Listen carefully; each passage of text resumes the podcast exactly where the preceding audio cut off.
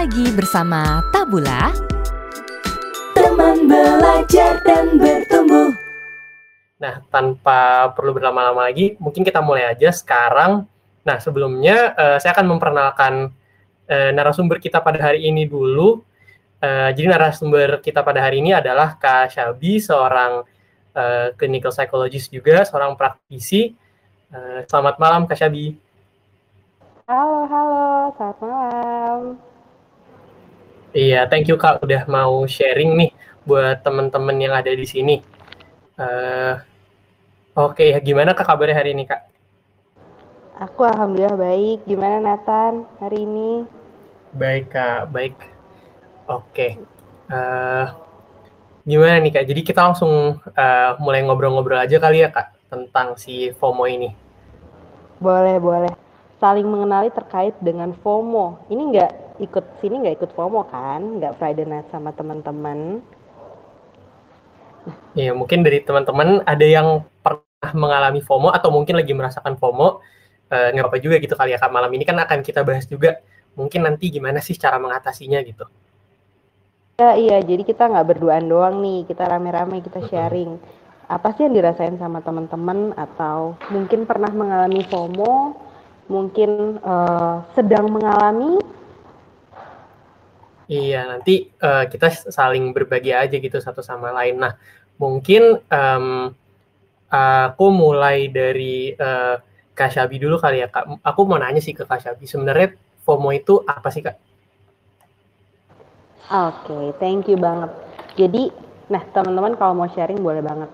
Uh, aku mau cerita dulu deh.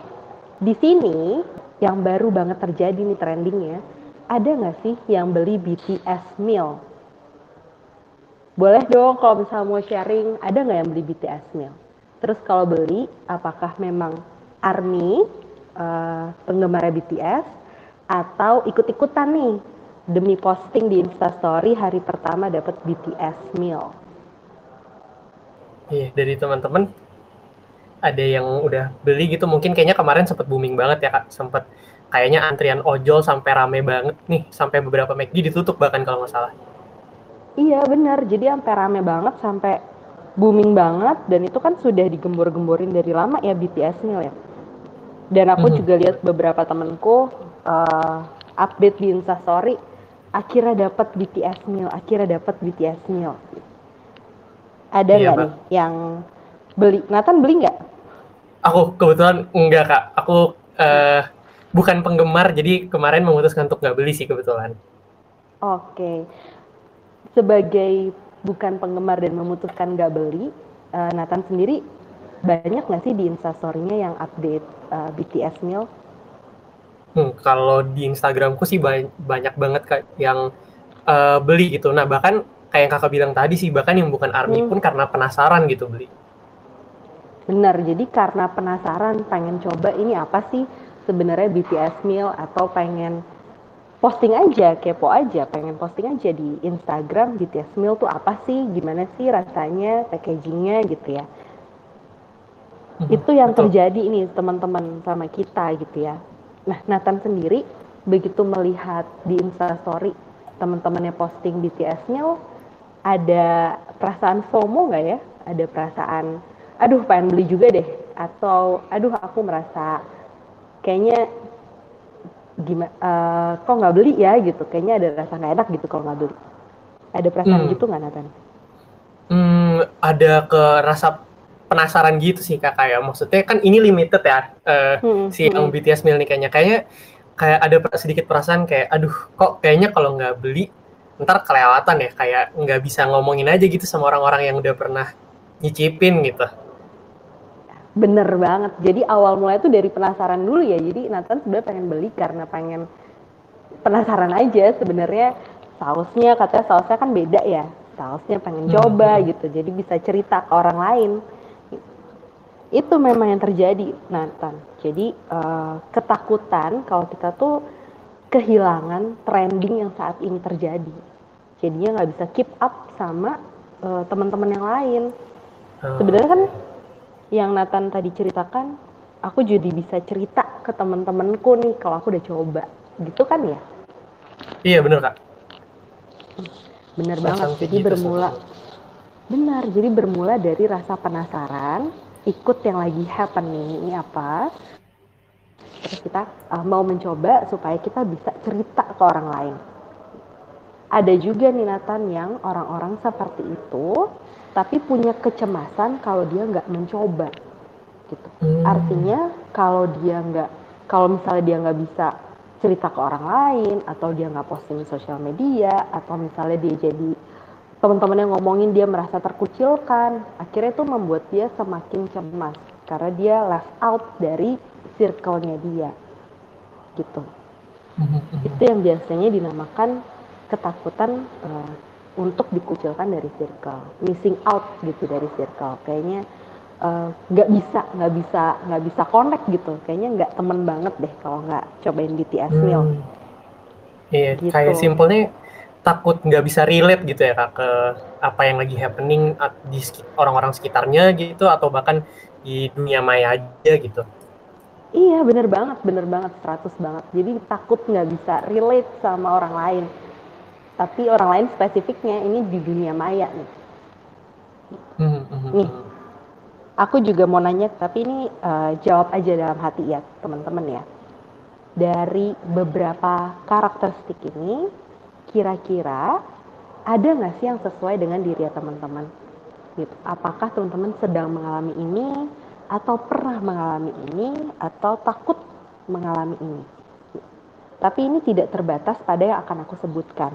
Bisa jadi banyak eh, ciri-ciri lain yang menunjukkan uh, kayaknya aku lagi mengalami FOMO nih. Gitu. Yang pertama, teman-teman di sini pengguna aktif sosial media atau tidak? Mulai dari Facebook, Instagram, Twitter, uh, Snapchat, masih nggak sih Snapchat, TikTok, TikTok gitu. Pengguna aktif tuh berarti screen time di sosial media itu tinggi banget gitu. Jadi screen time-nya cukup cukup banyak gitu ya. Jadi sering ngeliatin postingan orang maupun cuma silent reader doang nggak posting apa-apa tapi sering ngeliat sosial media. Gitu yang pertama. Ciri yang kedua di antara partisipan ini setelah melihat sosial media ada nggak rasa membandingkan diri sendiri dengan orang lain. Contoh misalnya di instastoryku semua orang misalnya work from Bali atau di instastoryku semuanya beli BTS kok aku nggak dapet BTS-nya atau aku di, di sekitarku make dia tutup semua aku kehilangan BTS kayaknya aku udah nggak bisa deh udah udah eh, nggak uh, bisa ngobrol sama teman-temanku wah teman-temanku pasti di grup ngobrolin ini nih jadi membandingkan diri sendiri dengan kehidupan orang lain itu ciri yang kedua. Ciri yang ketiga dinamakan shiny syndrome object. Artinya apa? Artinya punya orang lain itu lebih berkilau daripada yang sudah kita miliki teman-teman. Jadi setiap ada hal baru kita selalu pengen. Misalnya biasanya ini terjadi pada uh, fashion ya misalnya. Misalnya dia punya gadget apa atau dia baru beli sepatu apa atau baru beli sepeda misalnya sepedanya apa. Kita pun punya sepeda tapi kita mereknya nggak itu. Jadi itu lebih bagus. Atau kita beli gadget ini mereknya bukan yang bukan buah-buahan. Jadi yang buah-buahan lebih bagus atau kita uh, beli baju tapi bajunya biasa aja jadi yang punya orang lain lebih bagus. Atau bahkan dari segi pekerjaan teman-teman. Kita merasa dalam pekerjaan kita kita gini-gini aja pekerjaan orang lain lebih enak. Wah kantornya dia bisa WE, bisa work from Bali kayaknya salary-nya gede nih daripada salary gue. Ah kayak kantornya dia eh, nggak uh, dipotong nih selama pandemi. Kayaknya kantor dia lebih bagus dari gue nih atau misalnya dia kerjanya freelance kayaknya lebih enak dari gue jadi kita lebih tertarik sama apa yang dimiliki oleh orang lain namanya shiny syndrome object. Itu ciri yang ketiga tuh teman-teman. Ciri yang keempat, untuk mengetahui apakah aku FOMO atau tidak, sulit berkata tidak terhadap ajakan orang lain meskipun saya nggak suka. Contoh, teman-temanmu uh, mau mau riding, mau naik sepeda pagi-pagi, sedangkan kamu bukan morning person. Tapi demi konten, demi bisa cerita sama orang, demi bisa kumpul, demi nanti bisa ikut nimbrung sama conversationnya, aku morning ride ah, gitu. Jadi aku berkata iya. Atau misalnya diajak ke mana gitu, tapi e, kamu sendiri masih cemas untuk keluar rumah karena pandemi misalnya. Tapi ya udah deh, aku iyain demi aku bisa ngumpul sama teman-teman aku. Jadi aku sulit berkata tidak terhadap ajakan orang lain meskipun aku sebenarnya nggak suka. Itu ciri keempat tuh teman-teman. Ciri kelima, wah banyak nih ya. Ada nggak yang udah nilai kayaknya aku lima-limanya aku banget nih atau aku empat-empatnya aku banget nih. Ciri yang kelima adalah merasa khawatir terhadap penilaian orang lain. Karena tadi uh, ada ada eksistensi di dalam sosial media, di dalam uh, pertemanan yang harus dijaga sehingga penilaian dari orang lain, apalagi dari teman-temannya itu menjadi penting. Dan yang terakhir adalah tidak puas dengan kehidupan pribadinya. Kembali lagi tadi ke ciri ketiga tuh teman-teman, shiny syndrome object. Jadi karena kita tidak puas dengan apa yang kita dapatkan, sering kali kita melihat orang lain tuh jauh lebih enak. Mulai dari kehidupannya, mulai dari pekerjaannya, mulai dari barang-barang yang dia pakai, mulai dari dia sangat hits banget misalnya. Jadi kita ada ketidakpuasan dengan kehidupan pribadi kita. Gitu, itu ciri-ciri apakah kira-kira kita sedang mengalami atau kita pernah mengalami FOMO atau takut mengalami FOMO. Jadi aku menjawab pertanyaan Nathan tadi. Jadi apa sih itu FOMO? FOMO itu berdasarkan namanya itu namanya fear of missing out teman-teman. Fear of missing out itu mengacu pada perasaan cemas. Fear ada takut, ada kekhawatiran, ada kecemasan yang muncul akibat rasa ketertarikan terhadap kehidupan orang lain. Jadi kita punya kekhawatiran terhadap kehidupan kita sendiri dan kita jadi lebih tertarik sama kehidupan orang lain. Sehingga sering kali lupa terhadap apa yang sudah kita miliki saat ini, terhadap kehidupan kita saat ini. Nah, sebenarnya teman-teman ya, sebenarnya sebenarnya tuh FOMO bukan hal yang baru tahu sebenarnya tuh FOMO sudah ada sebelumnya. Jadi bukan bukan hal yang baru. FOMO sendiri sudah sudah dari tahun uh, 90-an sudah ada FOMO ini. Terus kenapa sih baru booming sekarang? Karena sosial media sangat terbuka, ruang publik yang sangat terbuka. Jadi lebih terlihat lagi kalau ada FOMO-nya. Kalau dulu ini tanpa menyebut umur ya semoga kita sangkatan nih teman-teman. Kalau dulu waktu aku kecil nih teman-teman karena penggunaan sosial media nggak ada handphone juga mungkin baru dapat dari kelas SMP gitu ya. Jadi belum ada tuh lihat-lihat status orang terus lihat-lihat instastory foto-foto gitu nggak ada. Tapi ada ketakutan kalau aku beda dari yang lain kalau aku nggak bisa pakai apa yang orang lain pakai jadi aku selalu beli apa yang orang lain beli. Contoh sepatu atau misalnya uh, musik lagi suka apa, ngefans apa, ikut-ikutan suka. Terus misalnya baju atau mainan yang kita bawa ke sekolah gitu teman-teman. Jadi atau mainan yang kita bawa ke sekolah, kayaknya dia bawa mainan ini, aku juga mau beli ah gitu. Itu di kalangan yang belum punya sosial media. Atau misalnya di kalangan bertetangga juga ada loh FOMO-nya. Biasanya lewat tukang sayur tuh, tukang sayur terus gosip si ibu ini punya ini, si ibu ini punya ini, aku juga mau ikutan beli gitu. Itu eh, contoh-contoh FOMO. Cuma sekarang booming banget karena sosial media itu sangat terbuka teman-teman. Apa yang mereka punya saat ini, apa yang mereka kerjakan, apa yang mereka lakukan, apa yang mereka beli itu sangat terpampang jelas dalam sosial media. Pasti diupdate. Jadi semakin menimbulkan rasa FOMO-nya itu intensif teman-teman. Nah untuk pengguna sosial media aktif, hal-hal ini perlu dibatasi gitu. Karena FOMO sendiri sebenarnya itu dorongan internal teman-teman. Sesuai tadi kata Nathan. Aku pengen beli BTS Meal karena penasaran sih, meskipun bukan penggemarnya BTS. Ya, bener. Bener banget. Jadi FOMO itu dimulai dari rasa ingin tahu. Ada dorongan internal, ada rasa penasaran untuk pengen tahu apa yang dilakukan oleh orang lain, apa yang dibeli sama orang lain, terus uh, apa yang dikerjakan sama orang lain, sehingga kita sangat tertarik jadinya sama kehidupan orang lain. Hati-hati loh teman-teman, kadang kita jadi lupa sama diri kita sendiri. Gitu.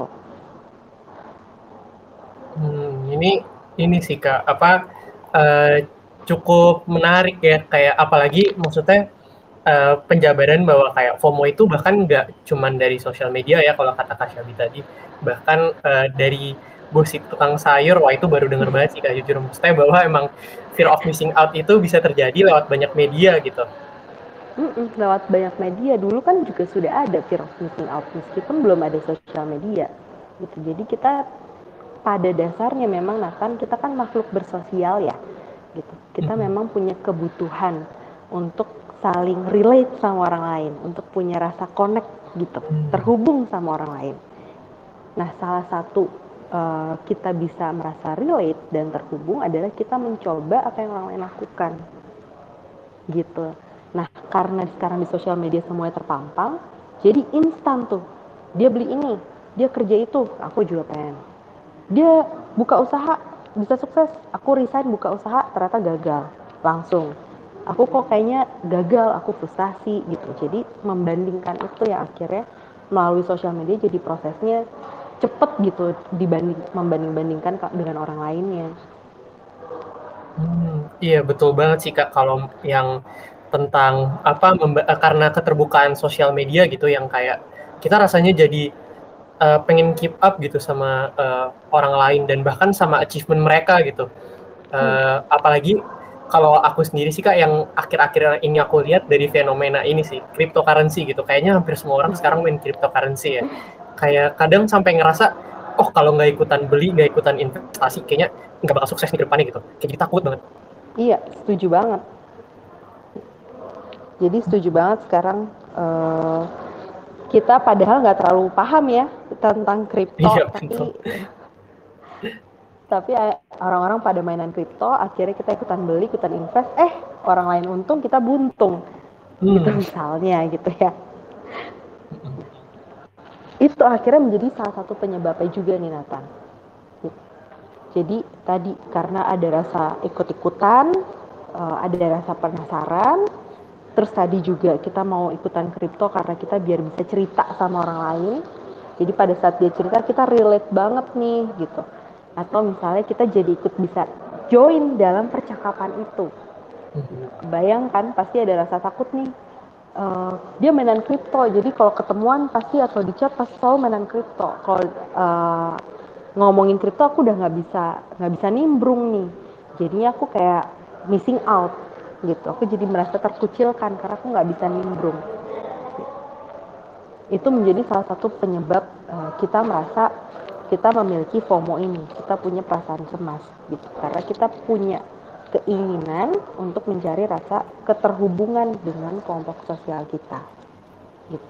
Nah, karena keinginan yang cukup tinggi ini, akhirnya kita tidak memberikan boundaries, tidak memberikan batasan.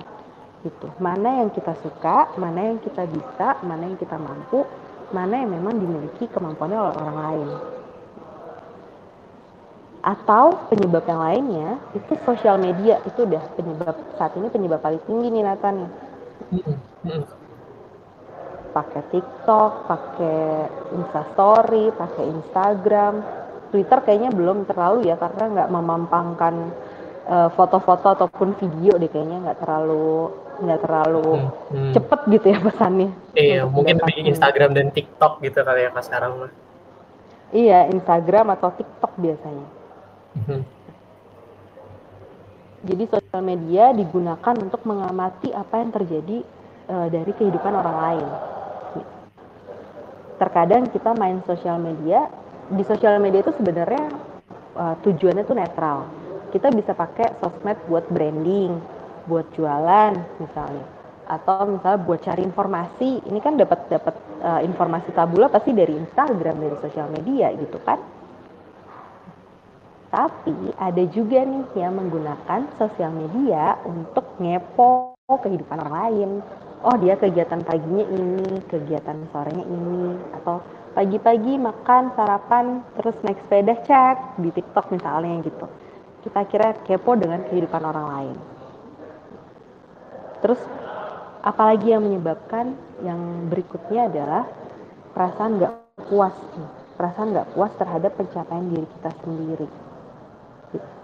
Jadi kita tidak puas dengan apa yang kita lakukan sekarang, kita nggak puas sama apa yang kita capai, kita nggak puas sama apa yang kita beli, jadi kita terus aja membandingkan diri sama orang lain. Padahal teman-teman, itu bukan kompetisi loh. Membandingkan diri kamu sama orang lain itu bukan pertarungan untuk dimenangkan. Tapi bandingkanlah diri kamu dengan yang hari kemarin oh kemarin aku bangunnya jam 10 pagi nih. Hari ini aku bisa bangun jam 7 pagi. Berarti tandanya kamu udah jauh lebih baik dibandingkan hari kemarin. Itu baru namanya kita uh, berkembang.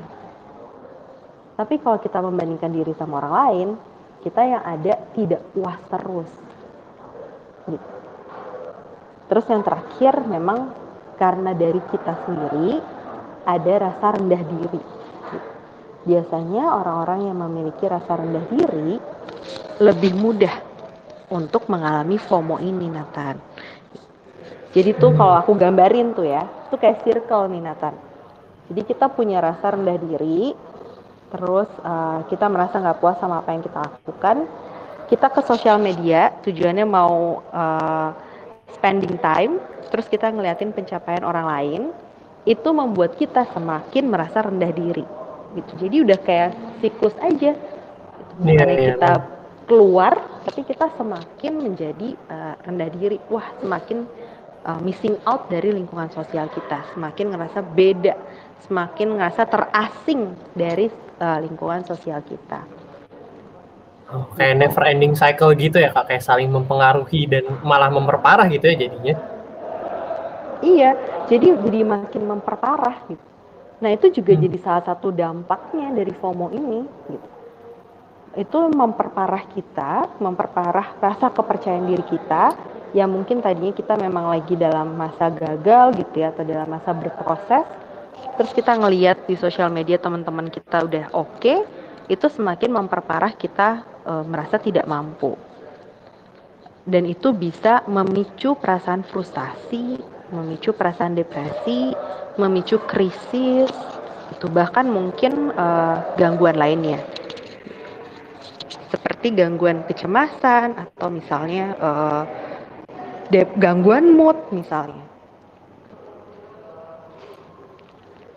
Nah, itu salah satu dampak uh, mulanya dari FOMO ini. Gitu. Terus ada lagi nih Nathan, dampak dari FOMO. Gimana tuh Kak? Jadi social media addict.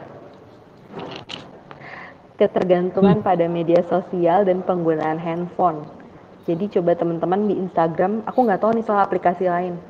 Gitu aku nggak pakai nggak pengguna TikTok juga. Kalau di Instagram tuh kan ada uh, screen time ya, daily uh, melihat Instagramnya berapa lama. Coba hmm. teman-teman cek deh. Kalau sosial media digunakan untuk kepo sama kehidupan orang lain, coba cek deh penggunaannya lebih intens gak? Lebih tinggi gak? Karena ini bisa membuat ketergantungan. Gitu. Ketergantungan pada penggunaan media sosial. Terus efeknya apa? Efeknya kualitasmu di dunia nyata ini seperti apa? Punya pacar, pacarnya didiemin nggak di dunia nyata? Enjoy nggak dengan kehidupanmu di dunia nyata? Produktif nggak sih kamu ketika lagi bekerja? Atau misalnya karena kita kasihkan main sosmed, anaknya nangis terus kita gimana? Apa kita kasih gadget juga misalnya? Jadi mempengaruhi kualitas hubungan kita, kualitas relasi kita di dunia nyata ini. Itu salah satu dampak dari FOMO. Terus dampak yang lainnya perilaku konsumtif nih Nathan. Ah, Gara-gara iya. semua orang posting di Instastory, Nathan jadi pengen BTS meal kan? Iya betul. Beli BTS meal. Pinter berarti. Jadi kalau di sini teman-teman lagi berusaha ya, ini bisa dila, bisa menjadi salah satu uh, dasar pemikiran usahanya teman-teman nih, memicu perilaku konsumtif. Karena kita ke, ada keinginan, karena kita ada rasa hmm. ketertarikan, mungkin juga ada tekanan dari teman-temanmu, ayo beli BTS nih, ayo cobain ini, ayo ke sini, ayo ke sini, terus kita jadi mau. Jadi kita konsumtif, padahal kita tadi nggak tahu itu apa. Kayak kripto, kita main beli-beli-beli aja kan, padahal kita nggak tahu sebenarnya uh, dasarnya itu gimana, analisanya seperti apa, terus nanti uh, forecastnya gimana ke depannya. Tapi kan jadi malah, konsumtif. Malah merugikan juga ya kak bahkan. Bener. Jadi malah merugikan finansial juga jadi merasa uh, rugi kan akhirnya. Atau bahkan uh, misalnya sampai mungkin mungkin karena ada karena ada tekanan sosial harus beli apa kita jadinya kerja mati-matian nabung terus atau misalnya kita berhutang atau misalnya kita minjem untuk mendapatkan itu sepeda deh paling contoh paling uh, mudah banget karena kemarin kan tren sepeda tinggi banget ya orang sepeda sepeda bersepeda dengan segala aksesorisnya kan bukan bukan sesuatu yang uh, murah ya kalau misalnya dari helm, perlengkapan semua lengkap. Padahal sebenarnya orangnya nggak morning person. Akhirnya kan ini mempengaruhi perilaku kita konsumtif dan mempengaruhi juga secara finansial. Jadi itu eh, dampak-dampak uh, dari FOMO. Bukan hanya saat ini, tapi jangka panjangnya mempengaruhi beberapa aspek. Gitu. Mungkin kita merasa kita terasing dari lingkungan sosial kita sehingga kita mau keep up sama apa yang terjadi di lingkungan sosial, sama trendingnya, sama kehidupan orang lain, kita mau mencoba kehidupan orang lain, tapi kita lupa sama dampaknya. Gitu. Mungkin kayak ini ya kak, kalau dari penjabaran Kasyafi barusan sih jadinya hmm. yang aku tangkap adalah kayak kita nggak hidup buat diri kita sendiri gitu. Jadinya uh, ngikutin orang lain aja gitu, apa yang dilakukan orang lain gitu just for the sake of keeping up gitu ya benar banget jadi kita jadi lupa sama diri kita sendiri gitu kan jadi kita lupa sama diri kita sendiri kita cuma karena mungkin ada tekanan sosial juga terus kita sebagai pribadi nggak bisa ngomong enggak sama teman kita jadi kita ikutin aja kita lupa nih sama diri kita sendiri gitu kita lupa sama diri kita sendiri kita lupa sama apa yang sudah kita punya gitu terus ternyata orang lain punya nasib yang berbeda dari kita, kita jadi self blaming. Jadi menyalahkan hmm. diri sendiri. Aku udah ngikutin caranya dia kok dia berhasil, aku enggak. Semua orang di sini uh, cari kerja susah, udah main kripto aja. Gitu. Oke, kita semua di sini main kripto. Kita invest, kita lihat wah jual beli jual beli tanpa kita punya uh, pemahaman yang cukup baik terhadap kripto. Temanmu bisa, kamunya nggak bisa, yang berdampaknya adalah kita nyalahin diri kita sendiri wah aku gagal nih aku nggak bisa nih aku um, ini banget nih nggak mampu nih masa dia bisa gue nggak bisa parah banget gue jadi ya kan jadi berdampaknya ke kita sendiri. Padahal mungkin yang temanmu lakukan sudah menganalisis banyak makanya dia masuk kripto duluan dibandingkan kamu misalnya. Oke oke. Jadi nggak ini ya kak. Apa nggak berjalan di pace-nya kita sendiri gitu. Kita berusaha kejar langkahnya orang lain. Padahal kan ya sebenarnya setiap orang toh punya ini ya kak temponya masing-masing gitu hmm. dalam uh, berjalan. Nah hmm. uh, yang unik juga di sini tuh sebenarnya kan kayak salah satu penyebab apa beberapa penyebab dari FOMO sendiri kan sebenarnya ini ya kak kayak uh, adanya keinginan untuk punya social connectedness gitu hmm. Uh, um, atau kayak punya perasaan bisa relate sama orang lain. Nah sebenarnya kan itu bukanlah hal yang buruk ya kalau misalnya by face value sendiri gitu kayak hmm. nggak hmm. ada yang salah kan ya sebenarnya untuk bisa untuk kepengen bisa relate gitu sama orang lain dan juga bahkan uh, mungkin melihat orang lain sebagai perbandingan kalau misalnya diproses secara positif bisa jadi motivasi gitu ya kan mungkin buat ya. kita sebenarnya. Mm, setuju banget. Iya kayak balancingnya itu jadi yang yang perlu sebenarnya dilakukan gitu. Benar benar. Jadi sebenarnya uh, nggak salah kok kalau kita butuh tahu trending topik apa. Toh kalau kita ngomong sama orang apalagi sama orang baru gitu ya yang kita nggak pernah deket sebelumnya kita butuh pick up line kan? Cerita eh uh, udah nonton ini belum? Misalnya nonton apa sih? Loki misal baru keluar di Disney Hotstar. Eh udah nonton Loki belum? Itu kan jadinya mem membuat adanya percakapan ya terjadi. Gitu. betul. betul banget. Jadi jadi memang nggak salah loh kita kita mengetahui hal itu itu nggak salah terus kita juga uh, punya rasa ketertarikan punya rasa penasaran dan pengen coba nggak masalah gitu. Tapi harus dibatasi gitu. Ini sehat atau enggak ya? Gitu. artinya kalau ini nggak sehat saya akhirnya nggak saya udah mendapatkan apa yang saya punya tapi saya nggak puas saya selalu pengen lebih. Saya sirik sama orang lain ngelihat postingan dia saya sirik kenapa dia seperti itu? Terus ngeliat postingan dia saya jadi ngerasa nggak ada nggak punya pencapaian apa-apa. Tandanya yang kamu lakukan sudah bukan lagi bertujuan baik tapi sudah tidak sehat. Itu yang perlu dibatasin. Tapi kalau itu menjadikan motivasi misalnya hmm, oh uh, Nathan IPK-nya 3,5 nih aduh masa aku nggak bisa sih dapat 3,5 aku tanya sama Nathan ah eh gimana sih caranya lo bisa dapat 3,5 gue mau dong gitu uh, lo bimbel atau misalnya lo uh, kerja kelompok gitu. atau misalnya lo belajar dari kapan jadi ada ada rasa ada keingintahuan juga bukan bermaksud sirik tapi kita pengen mencoba mempraktekkan apa yang dia lakukan sehingga diharapkan memiliki hasil yang sama. Tujuannya untuk evaluasi saya. Gitu. Hmm, iya, Tapi jadi, kan hasilnya positif setelah itu. Hmm, hmm, ke gimana cara kita menggunakannya kali ya kak kayak tujuannya mah nggak buruk gitu tapi kayak uh, apa sih in, intensi kita kali ya eh kok tujuan hmm. intensi sama ya mungkin hmm. uh, ya perilakunya nggak buruk tapi intensinya gitu kali ya benar jadi perilakunya netral sebenarnya. Kita pengen pengen tahu tentang orang kita pengen uh, apa ngelihat sosial media. Sosial media kan sebenarnya netral kan? Uh, fasilitas yang netral. Kalau kita gunakan untuk ngepoin orang lain untuk kita ngebandingin diri kita sendiri sama orang lain outcome-nya jadi insecure. Tapi kalau kita gunakan wadah sosial media untuk cari ilmu, untuk cari koneksi, untuk cari untuk branding jualan, hasilnya jadi membuat kita lebih baik. Nah, penggunaan yang netral ini kita perlu tahu batasannya.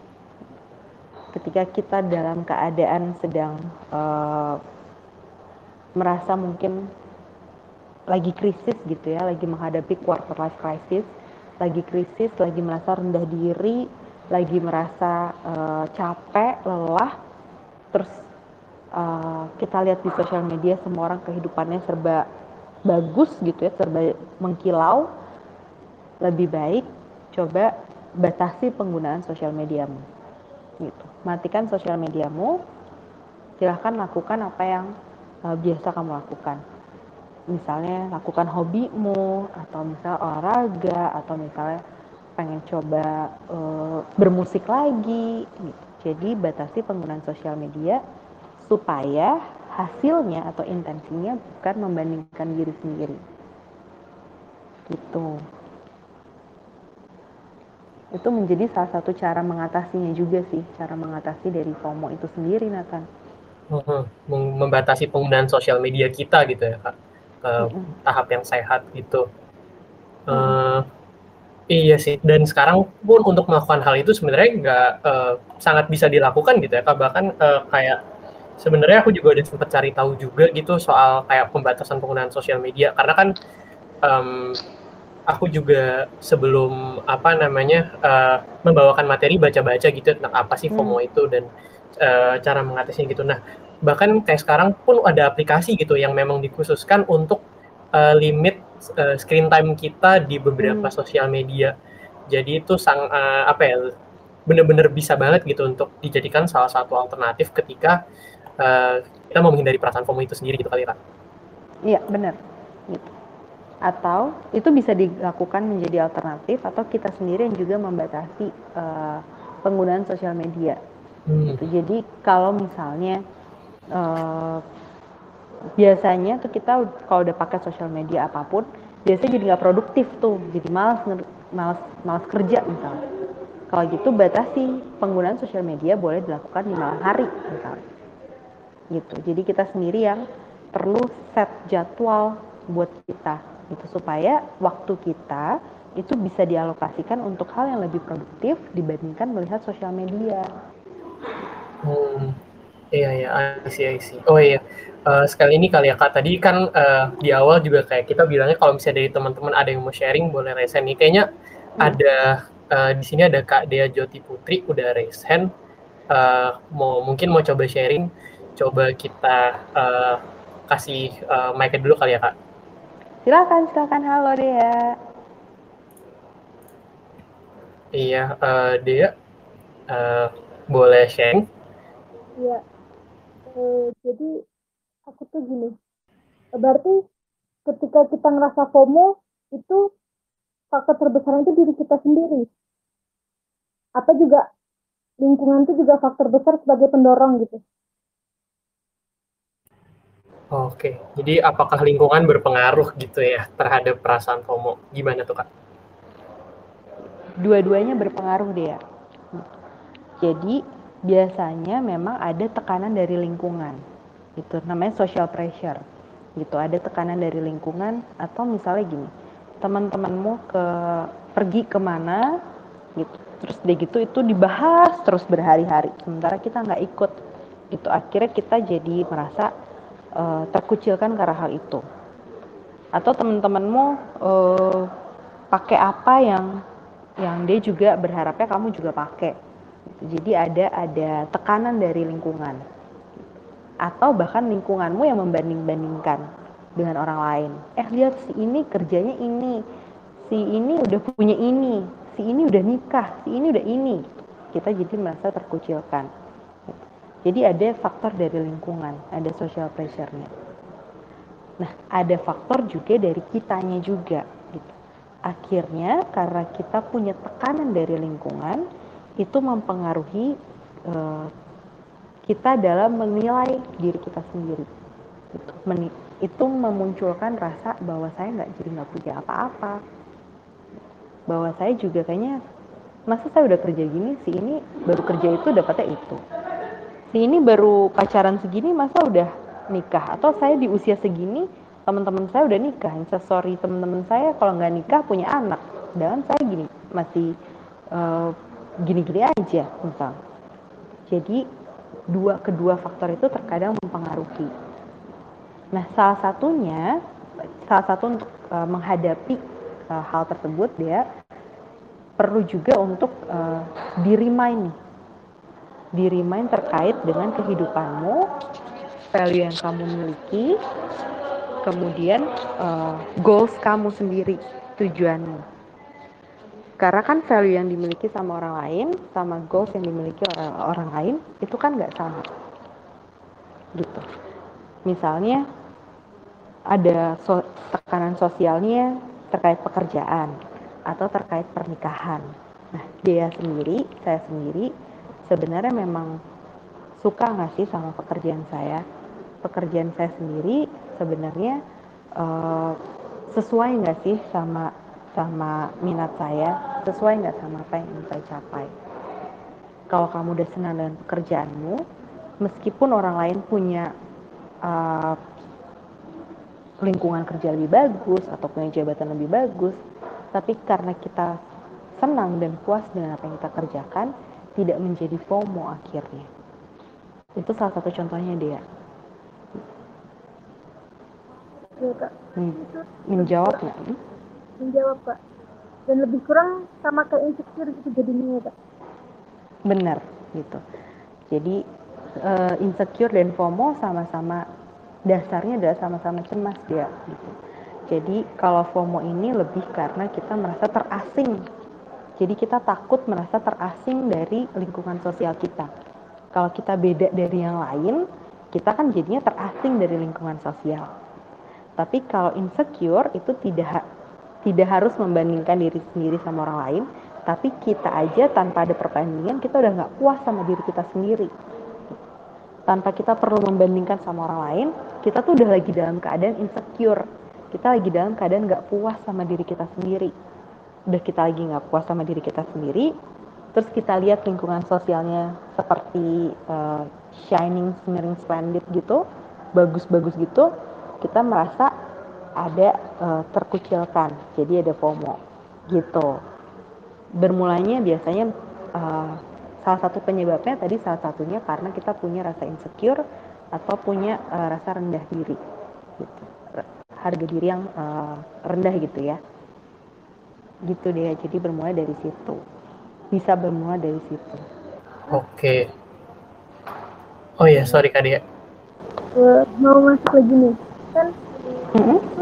anak kecil itu kan apa yang dia dapat ketika dia dididik waktu kecil itu kan ngaruh sama dia waktu tumbuh dewasa gitu kan. Mm-hmm. Jadi uh, waktu dia pernah sering dibandingkan, dia sering salah-salahkan, nggak pernah nggak pernah dianggap sama dia bahwa dia pernah benar, itu bisa hmm. ngaruh sama sifat komo yang bakal muncul di kehidupan dia itu. Benar. Jadi uh, bisa jadi itu juga karena pola pengasuhan ya. Jadi memang uh, dari kecil dari kecil itu mungkin tipe pengasuhannya adalah membanding-bandingkan dengan orang lain. Tujuannya sih untuk memberikan semangat atau motivasi gitu. Tapi uh, efeknya ternyata bukan menambah semangat, tapi mungkin menambah frustasi gitu. Sebenarnya dengan penyebab itu bisa banyak nih uh, bisa banyak dampaknya. Jadi nggak nggak bukan dengan FOMO-nya aja gitu. Jadi bisa berdampak insecure, bisa berdampak jadinya uh, uh, punya gangguan kecemasan mungkin gitu. Terus mungkin bisa jadi gangguan juga, mungkin jadi depresi. Jadi dari pola pengasuhan, akarnya dari pola pengasuhan dampaknya bisa banyak gitu. Tapi dari pola pengasuhan yang sering dibandingkan itu, akhirnya kita merasa terasing dengan lingkungan sosial, baru kita bisa mengalami FOMO. Jadi kuncinya dari FOMO ini adalah ketak dasarnya itu keterasingan, keterasingan dari lingkungan sosial kita. Jadi kalau kita tidak sama dengan orang lain, kita merasa terasing, gitu. Karena takut dikucilkan, takut uh, di takut ditinggalkan oleh teman-teman kita jadi kita merasa uh, terasing gitu dari lingkungan sosial kita. Sehingga untuk untuk kita tidak merasa terasing kita berusaha keep up sama update atau sama trending atau sama hal-hal yang sedang terjadi saat ini. Gitu deh ya. Kebayang nggak perbedaannya ya sama-sama uh, thank you banget atas pertanyaannya. Jadi memang uh, FOMO ini uh, bukan bukan sesuatu yang bisa berdiri sendiri gitu teman-teman. Artinya bisa jadi dari satu permasalahan, mungkin karena pola pengasuhan, mungkin karena kita lagi lagi mengalami kegagalan, terus kita uh, lagi merasa minder, terus kita lagi mengalami mengalami perasaan insecure terus kita jadi nggak mau ketemu sama orang terus kita jadi merasa terasing itu jadi bisa banget. Tapi kuncinya ketika kita lagi mengalami FOMO adalah kita punya uh, ketertarikan keinginan untuk bisa update atau bisa bisa bisa menempatkan supaya kita eksis, kita ada nih eksistensi kita di lingkungan sosial dengan selalu mengikuti uh, apa yang terjadi di lingkungan sosial sehingga tidak merasa terasing gitu. Itu namanya fear of missing out gitu. Nah, yang dia tanyakan gitu, terkait dengan bagaimana pola pengasuhannya, bagaimana cara saya membatasi diri, itu bisa bisa diatasi nih teman-teman ketika punya permasalahan yang sama. Yang pertama adalah belajar untuk membuat gratitude journal teman-teman. Jadi gratitude journal itu uh, adalah sebuah jurnal di mana kita dilatih untuk bisa mensyukuri apa yang kita punya. Kayaknya simpel banget ya. Kayaknya kok kayaknya uh, gak terbiasa tuh melakukan itu tapi dari hal sesederhana itu, kita bisa ngubah fokusnya. Sesuai kata Nathan tadi, ubah intensinya. Dengan kita bisa menghargai apa yang kita punya, kita bisa mensyukuri apa yang kita punya, kita bisa merasa cukup dengan apa yang kita punya. Sehingga ketika orang lain punya yang lebih baik, kita tidak merasa sirik dan kita ingin menjadi seperti mereka. Gitu. Itu bisa jadi salah satu uh, cara untuk mengatasinya juga teman-teman. Oke, jadi uh, gratitude journal uh, ini ya kak apa uh, bersyukur ya in kalau misalnya kuncinya di sini dari gratitude journal sendiri sebenarnya something yang uh, mungkin untuk beberapa orang cukup klise gitu sering banget kan ya kita kayak diingetin uh, bersyukur gitu kayak jangan banding bandingin gitu padahal ya memang itu adalah salah satu cara gitu ya uh, mm. untuk uh, menghadapi FOMO ini gitu. Iya. Jadi bahkan hal yang sesederhana itu aja dampaknya besar gitu. Artinya uh, kenapa sih kita perlu latihan gitu? Itu kan bukan sesuatu yang biasa kita lakukan ya. Kita lebih mudah untuk uh, tertarik sama hal yang negatif gitu. Artinya kita lebih mudah mudah mengidentifikasi apa yang kita nggak punya. Kita nggak punya ini, kita kerjanya nggak kayak dia. Kita uh, pasangannya juga nggak kayak si pasangan itu. Kita juga udah pacarnya juga kita nggak punya teman-temanku juga gini bosku nggak enak kerjaanku nggak enak salaryku nggak enak kita lebih mudah mengidentifikasi dengan hal itu sehingga ketika kita ketemu sama orang lain kita udah merasa malu duluan. Kita udah malu duluan untuk ketemu sama orang lain kita udah merasa insecure. Di saat kita malu ketemu sama orang kita cek sosial media. Si dia enak banget kerjanya gini. Si dia kerjanya di rumah doang posting instastory eh, tajir-tajir aja. Si dia kerja uh, kerjaannya bisa dibawa ke mana-mana. Si dia udah bisa beli ini. Si dia kerja segini udah kayak gini semakin kita punya intensi untuk membandingkan uh, diri kita dengan orang lain. Terasinglah kita terhadap lingkungan sosial. Nah dengan kita mensyukuri apa yang kita punya oh ya saya punya pekerjaan ya walaupun misalnya salarinya masih biasa aja tapi bosnya enak lingkungannya enak kerjanya enak kantornya dekat atau saya punya pekerjaan meskipun sekarang saya WFO bosnya nggak enak tapi jeda saya dari lulus ke dapat kerja tuh nggak jauh gitu. Saya udah bisa uh, dapat pekerjaan di masa pandemi. Semakin kita bersyukur dengan apa yang kita punya ketika kita ngelihat punya orang lain kita jadi nggak membandingkan. Kita nggak jadi sirik sama apa yang dia punya. Nah komunikasi akan jauh lebih enak teman-teman ketika kita mau berrelasi sama orang kita jadi punya rasa keingintahuan ya memang karena kita pengen membangun komunikasi gitu bukan karena kita pengen membandingkan lagi bukan karena kita pengen jadi kayak dia gitu kebayang nggak teman-teman Hmm, jadi uh, berfokus sama diri sendiri gitu ya kak, uh, supaya nggak uh, nggak ada keinginan untuk membandingkan diri terhadap orang-orang lain gitu ya. Mm -mm. Itu salah satu salah satu cara untuk mengatasi FOMO. Dan okay. teman-teman kalau misalnya uh, supaya kayaknya aku nggak enak nih kak kalau bilang enggak gitu ya nanti uh, orang-orang pergi ke mana terus aku nggak diajak aku nggak diajak aku nggak nggak bisa ngomong nanti sama mereka nggak bisa ngobrol cobalah teman-teman pertama juga berarti untuk mengatakan tidak pada hal yang memang teman-teman nggak suka. Nathan nggak suka BTS, nah, Nathan bukan penggemar BTS, Nathan mau diajak makan BTS meal, kalau Nathan nggak mau, Nathan bisa menolak kan? Betul. Supaya nggak apa ya, kita nggak uh, kayak kata aku tadi kali ya kayak yang nggak hidup karena orang lain aja gitu kayak hmm. ya kita uh, inget aja kita maunya apa gitu jangan terpaksa. Nah aku di sini juga ngeliat nih kak tadi ada kak Sasha uh, Safa Bustomi udah raise hand.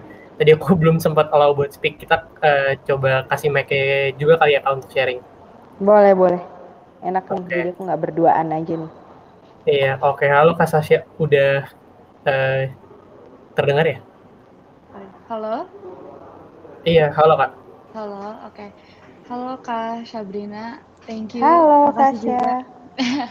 thank you juga Nathan udah ngasih buat aku speak up. Sebetulnya pertanyaan aku tuh udah terjawab tadi. Tapi uh, ada pertanyaan lagi yang muncul gitu. Aku tuh content creator. Terus hmm. aku tuh mau bertanya aja sih kayak uh, as a psychology student juga di sini tuh FOMO sangat amat luas juga ya Kak kalau dilihat-lihat hmm. gitu ya entah itu mengarah kepada kecemasan atau mengarah kepada permasalahan dan lain-lain. Terus kalau misalnya menurut Kak Sabrina nih, sekarang kan banyak banget ya yang main social media. Uh, let's say uh, as an influencer, terus juga uh, content creator or selebgram gitu. Apakah hmm. dengan dengan just updating aja mereka tuh bisa dibilang FOMO atau sebetulnya uh, apa ya batasan FOMO untuk kalangan-kalangan yang emang aktif media sosial untuk bekerja ya. Bukan bekerja sih berkarya di sosial media tuh batasannya di mana sih kak gitu. Itu pertanyaan dari aku sih. Oke okay. wah keren banget ya ada konten creator. Thank you banget pertanyaannya. Setuju. Jadi kalau itu adalah bagian dari pekerjaan gitu, atas atas nama research itu bisa dilakukan gitu. Jadi ketika kita mau uh, berkarya gitu kita kan perlu meneliti ya tentunya baik meneliti dari orang lain, dari perspektif orang lain di berbagai sumber, baik juga perlu keep up sama apa atau update sama hal-hal yang terbaru.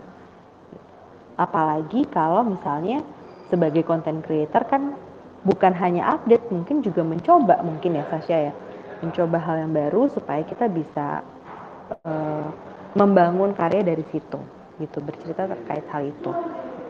Ketika dikemasnya dalam bentuk pekerjaan dikemasnya dalam bentuk pekerjaan jatuhnya research dan itu outputnya atau hasilnya itu bisa membuatmu memang mem memiliki inspirasi memiliki motivasi untuk bisa menghasilkan karya yang baik. Itu bukan FOMO. Tapi kalau kita atas dasar research, atas dasar kita pengen uh, cari tahu tentang orang lain, kita pengen uh, membandingkan karya-karya orang lain, pengen tahu update uh, hal orang, lain, tapi outputnya, outputnya adalah untuk uh, menegakkan uh, supaya kita tuh bisa sama sama orang itu. Artinya outputnya adalah membuat kita jadi membandingkan diri kita sendiri. Outputnya jadi membuat kita menilai diri kita yang ke arah e, gak baik gitu. Artinya membuat kita jadi cemas sama hal itu, membuat kita e, jadi merasa merasa ini adalah sebuah sebuah keharusan saya harus bisa saya harus bisa berkarya, saya harus eksis, saya harus bisa menghasilkan sesuatu, saya harus disukain sama orang lain, saya harus diapresiasi oleh orang lain. Sehingga outputnya menjadi bukan membuat kita lebih baik, itu bisa menjadi FOMO, Sasha. Gitu. Nah, sesuai dengan yang tadi sudah dijelaskan sama Nathan, sebenarnya intensinya. Gitu. Ketika itu memang untuk urusan pekerjaan, kita yang perlu membatasi. Membatasinya seperti apa? Membatasinya adalah ketika itu saya sudah lagi lelah dengan hal ini, atau ketika saya punya rasa sirik sama pencapaian orang lain, atau ketika saya jadi uh, merasa merasa rendah diri, merasa merasa nggak uh, puas sama pekerjaan saya, terus saya jadi menuntut diri saya untuk lebih dan bisa menyaingi orang itu, mungkin coba break dulu dari situ. Karena bukan kita mendapatkan sesuatu yang produktif, tapi kita malah menjadinya terlalu menuntut, memberikan tuntutan buat diri kita sendiri. Coba break dulu dari situ, break uh, lakukan kegiatanmu uh, cari hobimu lakukan semua dalam dunia nyata baru kita kembali lagi ke uh, pekerjaan gitu sehingga yang kita lakukan bisa jadi lebih objektif dan hasilnya lebih membuat kita produktif gitu. Menjawab nggak Tasya kira-kira? Menjawab. Makasih banyak Kak Sabrina. Udah mau jelasin thank you banget. Thank you banget uh, pertanyaannya gitu. Karena sejujurnya nih teman-teman kalau boleh sedikit cerita ya aku sebelum jadi psikolog klinis tuh aku jadi rekruter teman-teman gitu. Jadi sebelum sama-sama sudah lulus S2 tapi waktu itu mengawali karir di bidang HRD sebagai rekruter seharian yang aku kerjakan adalah ngeliat LinkedIn ngeliat LinkedIn orang-orang. Wah gila umurnya masih seumuran gue udah minta salary segini jabatannya di sini ini ke sini ini ke sini. Wah jadinya bukannya aku mencari orang yang kandidat yang bagus untuk di, uh, perusahaanku malah itu bumerang ke aku gitu. Malah aku jadinya kok kok masih gini-gini aja ya gue? Kok gue belum menghasilkan apa-apa ya? Kok gue masih uh, masih gini-gini aja gitu nggak ada hasilnya. Baru dari situ aku break dulu tuh dari merekrut. Aku cari pekerjaan lain. Aku minta uh, waktu itu minta training. Jadi aku break dulu dari rekrutmen aku training. Baru kita mengolah lah gitu. Tandanya itu udah uh, wilayah itu lagi nggak sehat buat aku. Setelah kita udah training kita udah mulai bisa happy lagi mood kita kembali lagi kita juga mulai uh, puas dengan apa yang kita lakukan baru kita kembali ke pekerjaan kita jadi uh, teman-teman yang tahu kapasitasnya teman-teman sendiri teman-teman yang tahu kemampuan teman-teman sendiri, teman-teman juga tahu kapan harus break. Karena ketika kita moodnya lagi nggak bagus, ketika kita lagi mengalami kegagalan, ketika kita lagi merasa minder, cobalah untuk bisa membatasi diri dari uh, sosial media. Sehingga itu tidak meracuni diri kita sendiri, gitu teman-teman. Hmm, Oke, okay. itu uh, cerita LinkedIn itu sangat relatable sih kak jujur. Apalagi aku baru banget bikin LinkedIn tahun ini dan kayak awalnya bingung kan soalnya buat apa gitu. Terus pas lihat-lihat baru yang kayak oh keren ya temen gue udah jadi asdo atau temen gue udah magang gitu. Terus jadi aduh kok males gitu. Jadi malah membandingkan gitu merasa kok mereka hebat gue kayak gini-gini aja gitu oh, iya. jadi kayak merasa gitu udah gitu waktu aku jadi rekruter breakku ngeliat sosial media ya udah semakin jadi waktu itu double, break ya? dulu deh iya break dulu dari apa yang aku kerjakan kita lakukan hobiku ternyata hobiku senangnya ketemu sama orang ngobrol ngembangin konsep ya udah kita cari lakukan kegiatan lain gitu oke okay, oke okay. uh, eh, terus um, tadi juga uh, seperti yang Kak Syabi bilang kayak um, kita harus uh, tadi berlatih untuk mengatakan tidak gitu ya uh, supaya nggak hmm. keseret arus gitu sama uh, apa sama apa yang lagi happening gitu. Supaya kita nggak ngelakuin sesuatu just for the sake of ngikutin orang-orang. Terus apalagi sih kak yang sebenarnya bisa kita lakuin? Yang bisa kita lakukan adalah berlatih untuk uh, mindful dan ingat sama diri kita sendiri gitu. Jadi gini teman-teman uh, di sini aku yakin mungkin secara usia sudah sudah mau menginjak dewasa. Ada yang mungkin masih remaja atau sudah sudah uh, dewasa gitu secara usia. Nah teman-teman tahu uh, tahu apa yang teman-teman suka, apa yang teman-teman nggak suka, apa yang teman-teman bisa lakukan, apa yang mungkin itu bukan bakat sehingga kalau bukan bakat bukan berarti nggak bisa, tapi latihannya perlu lebih intens. Nah, value-nya orang lain atau apa yang orang lain anggap itu penting, apa yang orang lain anggap itu uh, baik atau apa yang membuat orang lain happy, belum tentu membuat kita happy teman-teman. belum tentu kalau kita berada di posisi itu kita akan merasa happy. Jadi perlu di remind gitu ke diri kita sendiri. Oh saya kenali kenali dirimu sendiri. Saya merasa happy bukan ketika saya uh, main kripto kayaknya Oke, saya ngerasa happy kalau saya uh, investasi mungkin di tempat yang lebih aman, misalnya main reksadana misalnya. Atau saya misalnya teman-teman saya ngomongin pernikahan, saya belum mau menikah, saya mau mengejar karir, lakukanlah. Atau misalnya teman-teman saat ini sedang menyelesaikan skripsi, terus teman-teman uh, lingkungan sosial sudah mulai bekerja, terus teman-teman mau kerja, uh, tapi skripsinya keteteran stop dulu gitu. motivasi dirimu untuk bisa skripsi dulu kelarin baru kerja gitu.